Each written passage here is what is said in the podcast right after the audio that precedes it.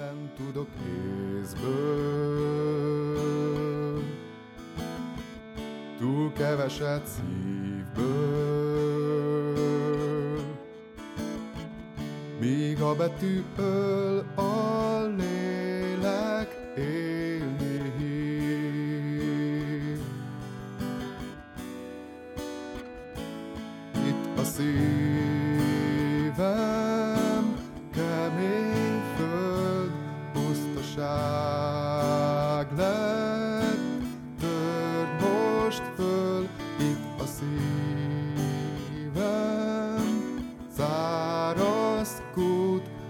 le mélyre, törjön út, élő víznek, mely tőled jön. Megtanítasz szeretni, merni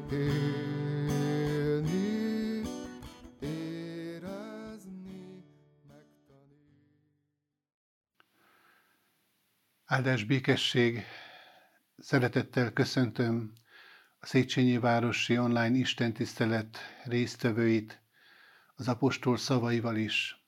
Kegyelem néktek és békesség Istentől, ami atyánktól, és az ő egyszülött fiától, az Úr Jézus Krisztustól. Amen. Kedves testvérek, folytatjuk igehirdetési sorozatunkat János evangéliuma alapján. A mai Isten tiszteletünkön a negyedik fejezethez érkeztünk.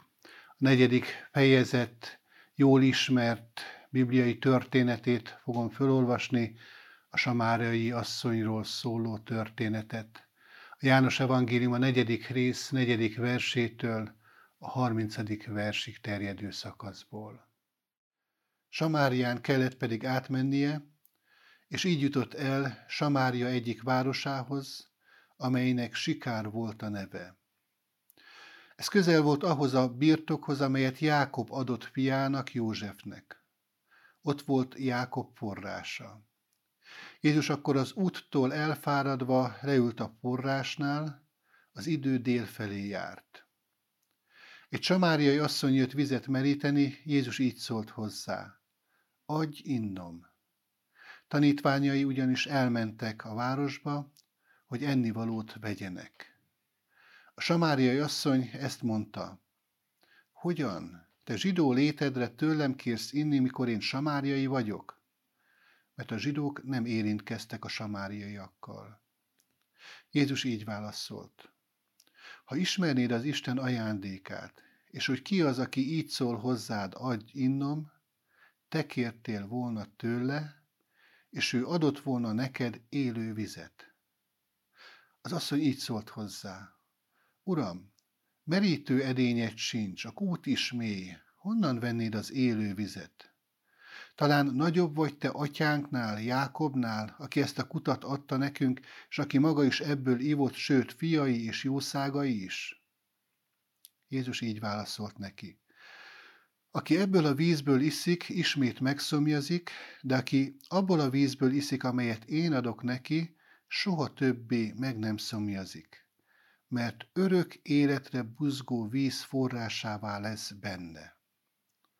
Az asszony erre ezt mondta, Uram, add nekem ezt a vizet, hogy ne szomjazzam, és ne kelljen ide járnom meríteni.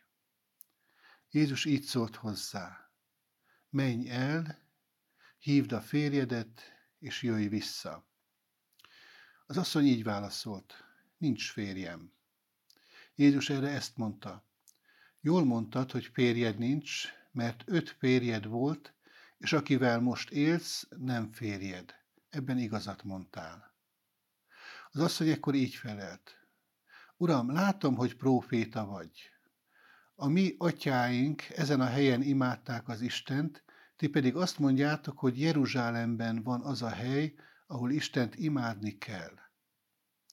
Jézus így válaszolt, higgy nekem, asszony, hogy eljön az óra, amikor nem is ezen a hegyen, nem is Jeruzsálemben imádjátok az atyát. Ti azt imádjátok, akit nem ismertek, mi azt imádjuk, akit ismerünk, mert az üdvösség a zsidók közül támad. De eljön az óra, és az most van, amikor az igazi imádói lélekben és igazságban imádják az atyát, mert az atya is ilyen imádókat keres magának. Az Isten lélek, és akik imádják őt, azoknak lélekben és igazságban kell imádniuk. Az asszony így felelt. Tudom, hogy eljön a messiás, akit Krisztusnak neveznek, és amikor eljön, kijelent nekünk mindent. Jézus ezt mondta neki. Én vagyok az, aki veled beszélek. Az asszony pedig ott hagyta a korsóját, elment a városba, és szólt az embereknek. Jöjjetek, lássátok azt az embert, aki megmondott nekem mindent, amit tettem. Vajon nem ez a Krisztus? Erre azok elindultak a városból, és kimentek hozzá. Imádkozzunk! Menjei édesatyánk! Szeretnénk most a te lábadhoz telepedni.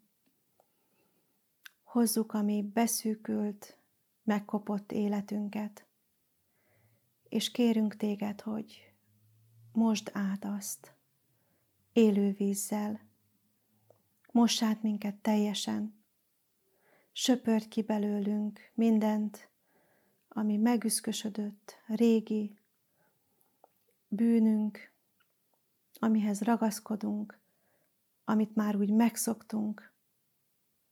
Kérünk, Urunk, hogy szabadíts meg most ezektől a bűnöktől. Jöjj, Urunk, és tölts meg minket a Te lelkeddel. Eleveníts meg minket, hogy miközben halljuk a szavadat, valóban tudjuk azt befogadni, és tudjuk azt magunkkal vinni. Amen. Kedves testvérek, felolvasott bibliai történetünkben két szomjas ember találkozását láthatjuk. Egyfelől egy kimerült utazót látunk, akinek nincs merítő edénye. A kimerült utazó nem más, mint Jézus, aki nem pusztán egy ember, de mégis az ő emberi természete lesz nyilvánvalóvá ebben a történetben. A látszat tehát az, hogy Jézus az asszony segítségére szorul.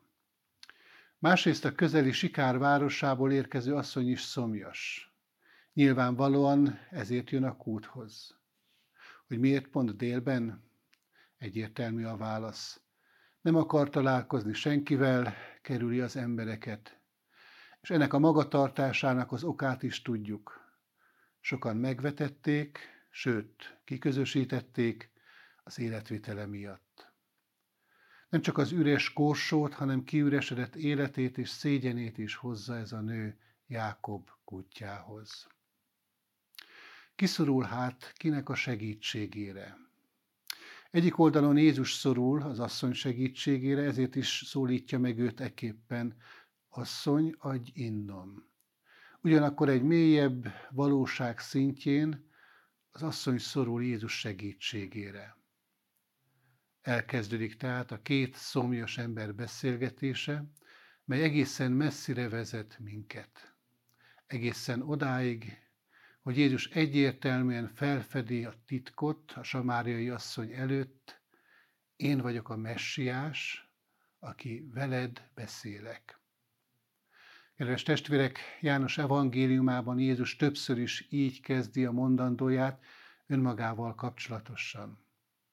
Én vagyok a jó pásztor, az élet kenyere, a feltámadás és az élet. És sorolhatnánk tovább Jézusnak ezeket a mondatait, amelyeket így kezd, hogy én vagyok. Ami érdekes, hogy ennek a samáriai asszonynak kijelenti önmagát egészen egyértelműen. Nem képekben, hanem direktben. Ez azért is figyelemre méltó, mert a főpapoknak nem válaszol Jézus, amikor kérdezik, te vagy a Krisztus?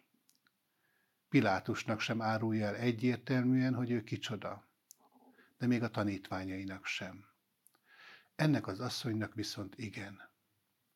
Éppen ezért egészen drámai, mély és különleges ez a beszélgetés. Jézusnak a legmélyebb kijelentését hallhatjuk itt önmagáról, amikor ezt mondja, én vagyok a messiás. Ezt az asszonyt a zsidók megvetették, a saját népe is kivetette, mégis azt látjuk, Jézus kijelentette magát neki. Micsoda nagy ajándéka ez az Istennek, amikor kijelenti magát valakinek. Amikor világossá lesz, mit készített az Isten az ember számára. Jézus azt mondja, ha ismernéd az Isten ajándékát. A samáriai asszony nem ismerte, de mégis megkaphatta. Mi ennek az útja? Sokan azért nem fogadják be az evangéliumot, mert nem ismerik. Ha ismernéd az Isten ajándékát, mondja Jézus. Jézus szavaiban az a bátorító üzenet van, megismerhető az Isten ajándéka. Mi ez az ajándék? Pontosabban megfogalmazva a kérdést, ki ez az ajándék? Élő vízhez, vízforráshoz hasonlítja Jézus az ajándékot. A forrás vízben élet van, lüktetés és szomjúságot olt. Az előző fejezetben szintén egy mély, személyes beszélgetést olvashattunk János evangéliumában. Ott Nikodémussal beszél Jézus az újjás születésről és az élő vízről. Azt mondja, ha valaki nem születik víztől és lélektől, nem mehet be az Isten országába. A Jeruzsálemi templomnál pedig, a sátoros ünnep végén szintén beszél Jézus erről. Aki szomjazik, jöjjön hozzám és igyék, aki hisz bennem, annak a szívéből az írás szerint élő víz forrásai fakadnak.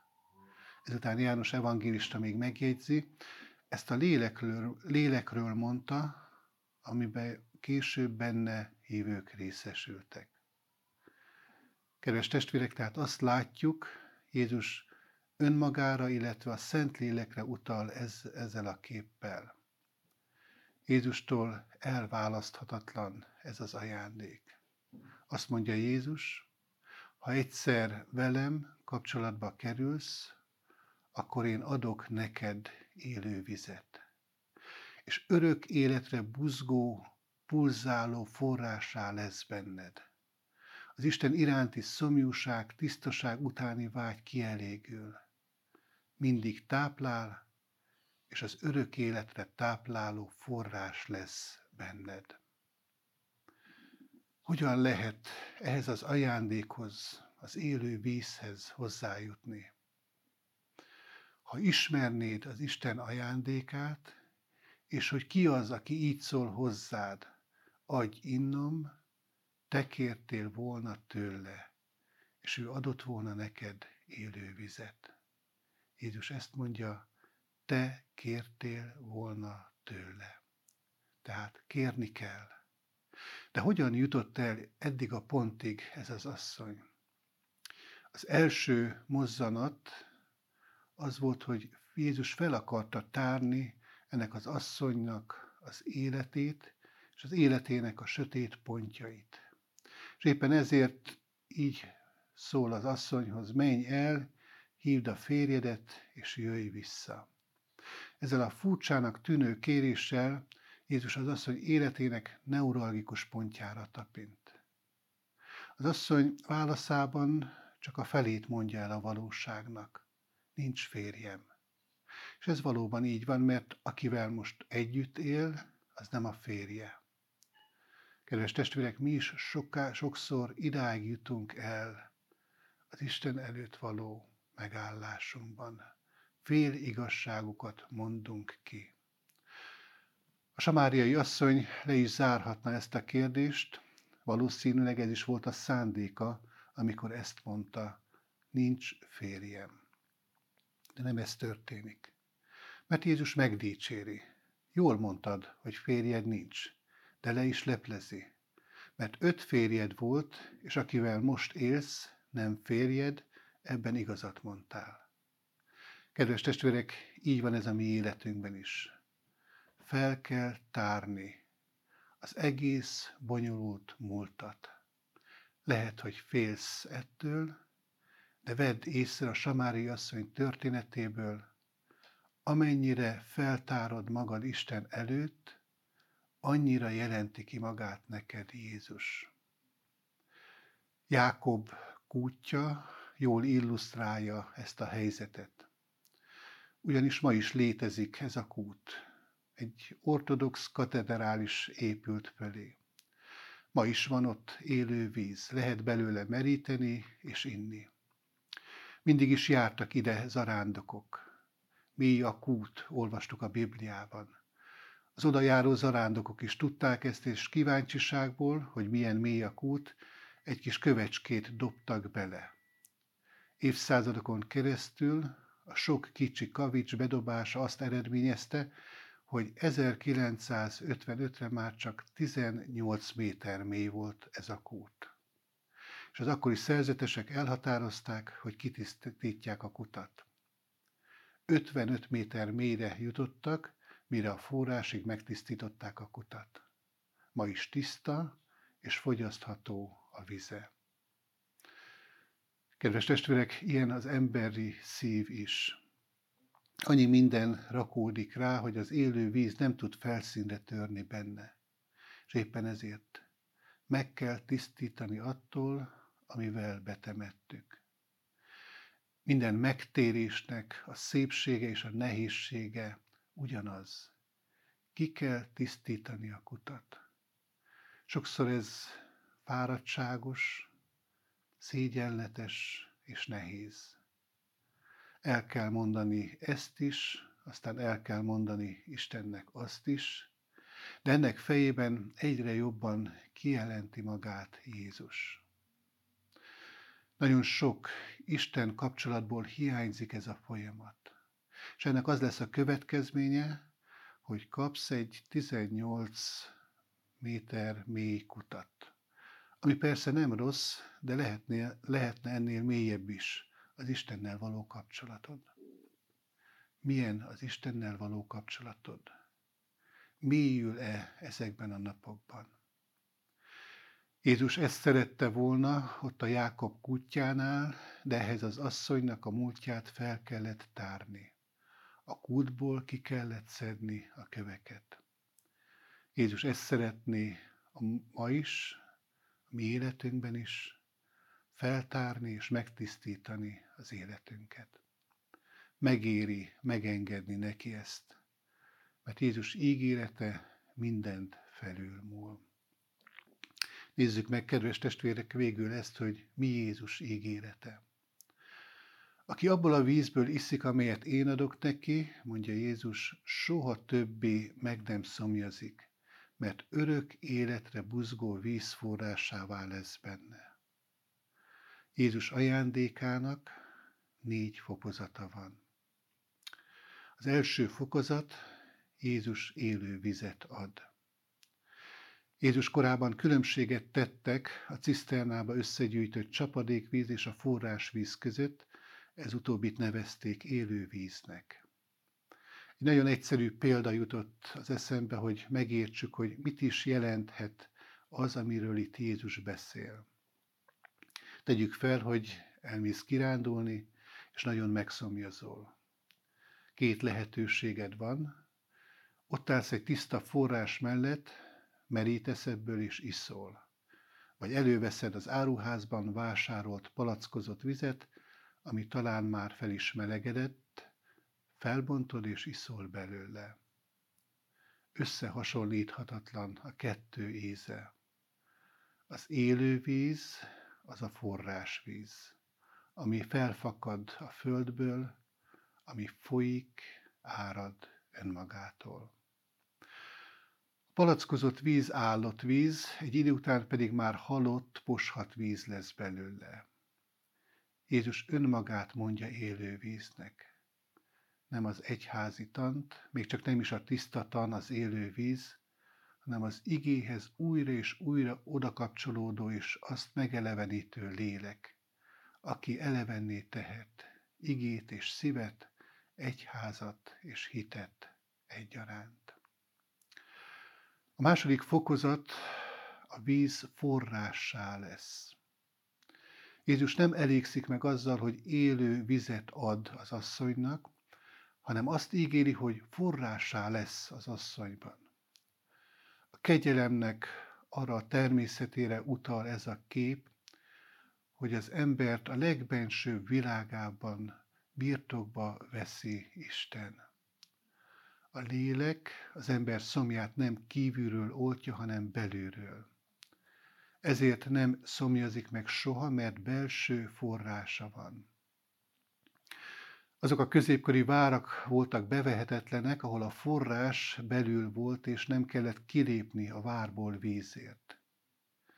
Így van az emberi élettel is. Ha nem kell más forráshoz menni, mert a forrás bennem van, és nem a világban, akkor az életem és az Istennel való közösségem legyőzhetetlen. Jézus személye a garancia arra, hogy akinek ő életet és kegyelmet adott, nem fog másra vágyni. Mert többet Jézus ajándékánál sehol a világon nem lehet kapni. A harmadik fokozat, ez a bizonyos víz buzog benne.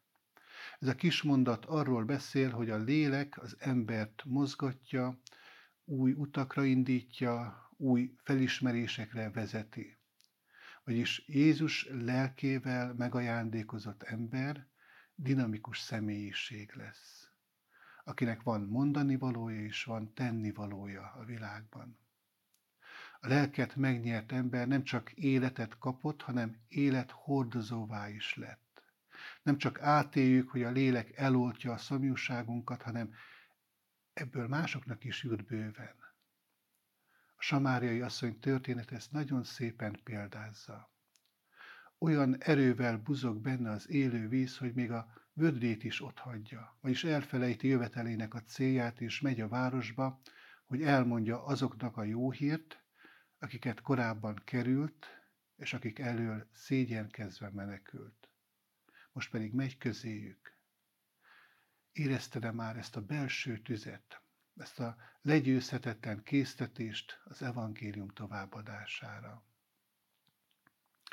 A negyedik fokozat örök életre buzog. Kedves testvérek, többről van itt szó, mint evilági forrásról. Örök élet forrásává lesz. A lélek a szolgálattól is tovább vezet egy nagyobb isteni teljesség felé. A jelenések könyvében a mennyei város Jeruzsálem képe tárult elénk a héten, a Szeresd a várost ima szolgálat során. Csütörtökön a 22. fejezetben János, János látomásaként ezt olvashattuk.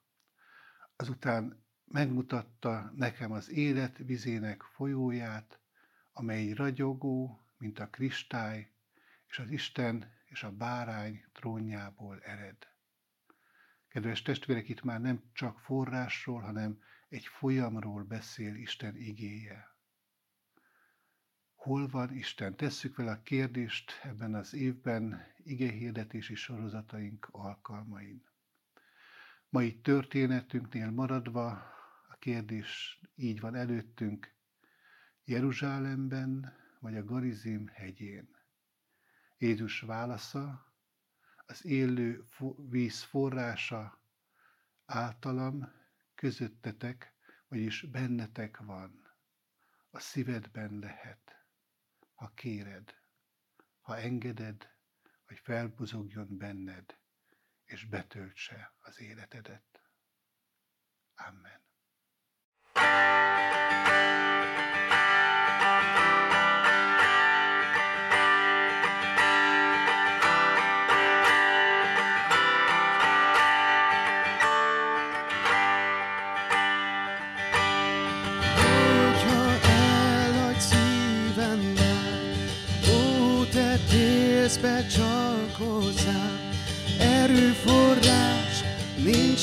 senki más, kit nekem vár.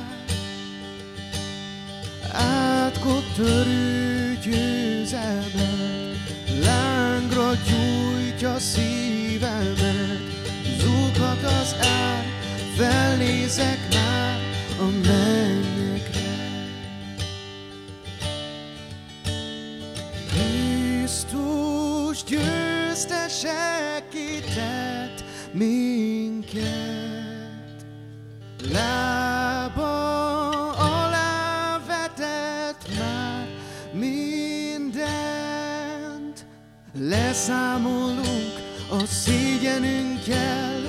dacolunk minden ellenséggel.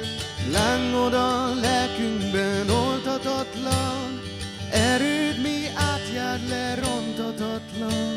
Mi bástyánk, pajzsunk győztesünk.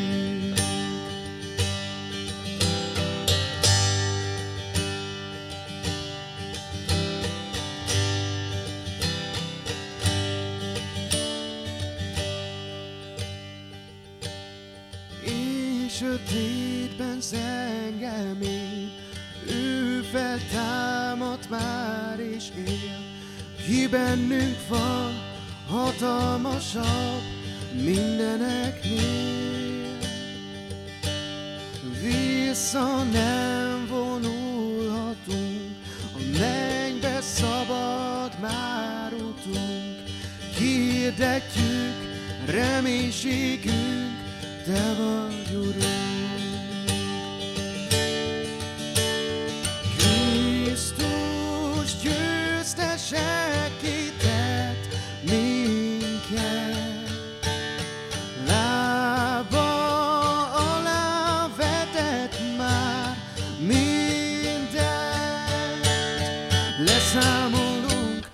A szégyenünkkel, dacolunk minden ellenséggel, lángod a lelkünkben oltatatlan, erőd mi átjár le rontatatlan, mi bástyánk, vagyunk győztesünk.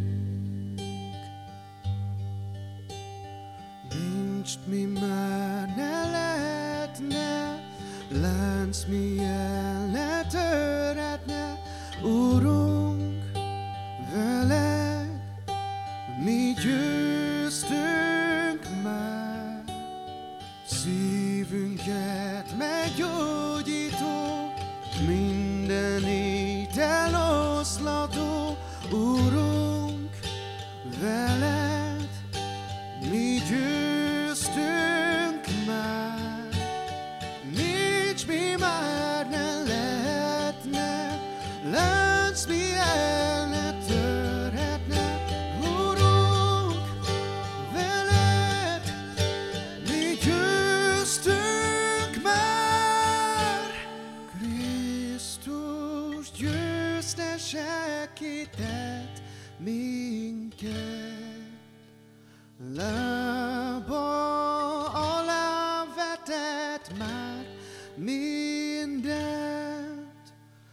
Leszámolunk a szégyenünkkel, dacolunk minden ellenséggel. Lángod a lelkünkben oltatatlan, erőd mi átjár le rontatatlan. Mi bástyánk, pajzsunk győztesünk.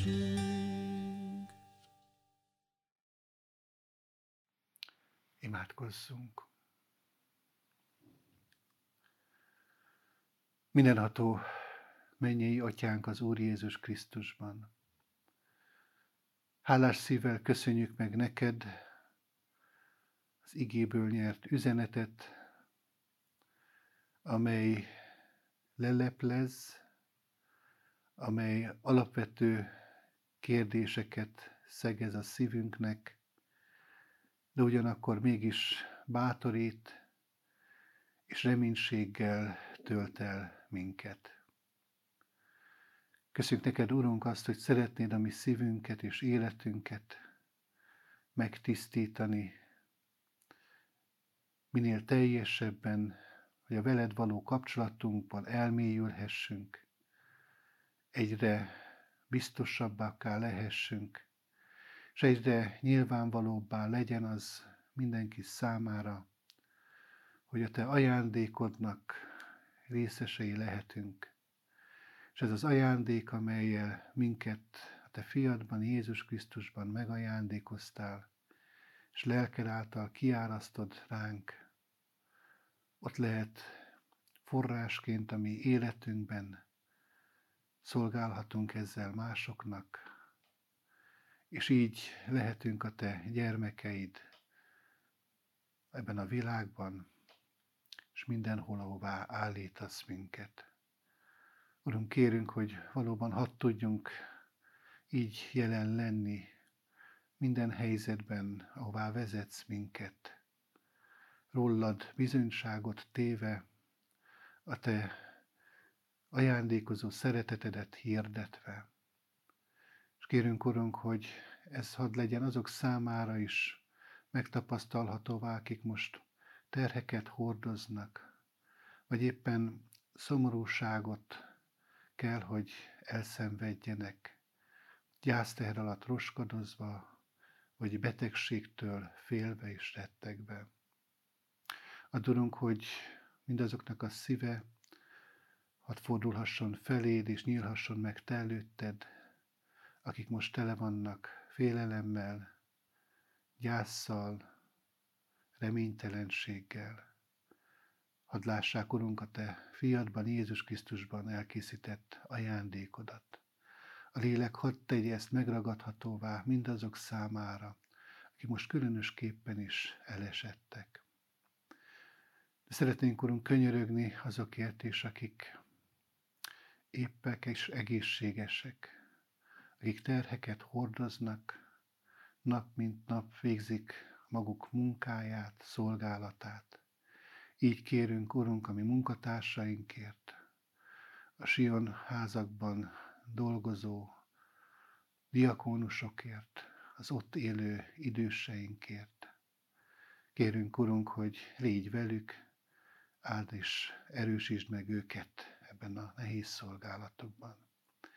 De ugyanúgy kérünk, Urunk, mindenkiért, aki maga helyén áll helyt, és végzi a maga teendőit. És kérünk ezért a világért, Urunk, Te gyógyítsd ezt a világot, Te szereteteddel, a Te jelenléteddel. Amen. Együtt közösen az Úrtól tanult imádságot mondjuk el. Mi atyánk, aki a mennyekben vagy, szenteltessék meg a te neved. Jöjjön el a te országod, legyen meg a te akaratod, amint a mennyben, úgy a földön is. Mindennapi kenyerünket add meg nékünk ma, és bocsásd meg védkeinket, miképpen mi is megbocsátunk az ellenünk védkezőknek. És ne vigy minket kísértésbe, de szabadíts meg a gonosztól, mert Téd az ország, a hatalom és a dicsőség mindörökké. Amen. Vegyük Isten áldását. Az Istennek békessége, amely minden értelmet felülhalad, őrizze meg szíveteket, gondolataitokat az Úr Jézus Krisztusban. Amen.